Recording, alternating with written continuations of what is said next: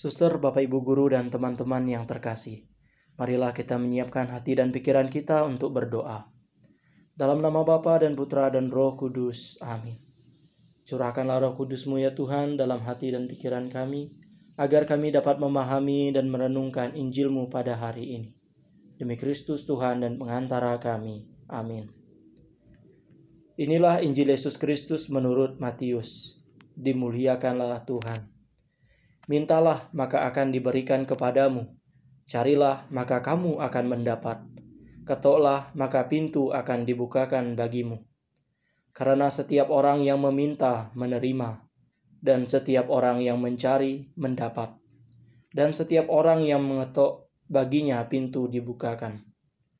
Adakah seorang daripadamu yang memberi batu kepada anaknya jika ia meminta roti? Atau memberi ular jika ia minta ikan?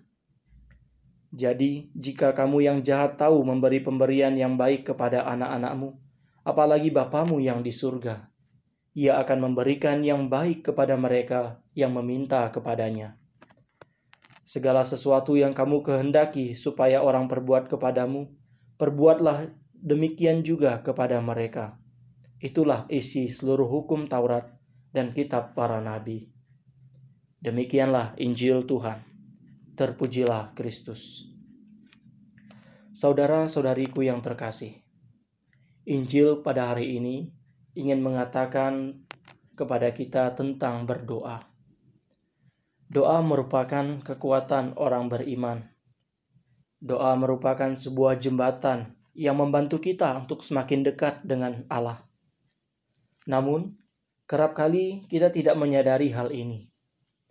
Doa sering kali dilihat sebagai sebuah kewajiban atau keharusan. Bahkan doa juga sering dianggap sebagai kesia-siaan. Saudara-saudariku yang terkasih, hal berdoa bukanlah hal yang sepele seperti yang kita bayangkan.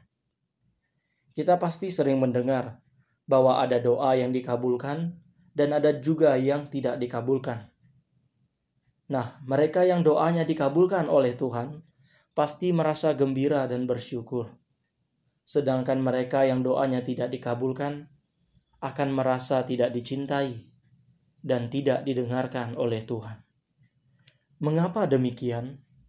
Mengapa ada doa yang dikabulkan dan tidak dikabulkan? Apakah Allah bersikap pilih kasih?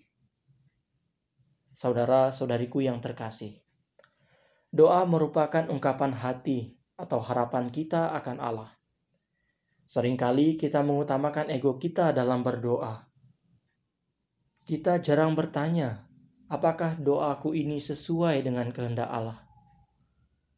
Kita merasa apa yang kita minta dalam doa adalah kebutuhan kita yang mendesak. Karena itu berharap segera dikabulkan.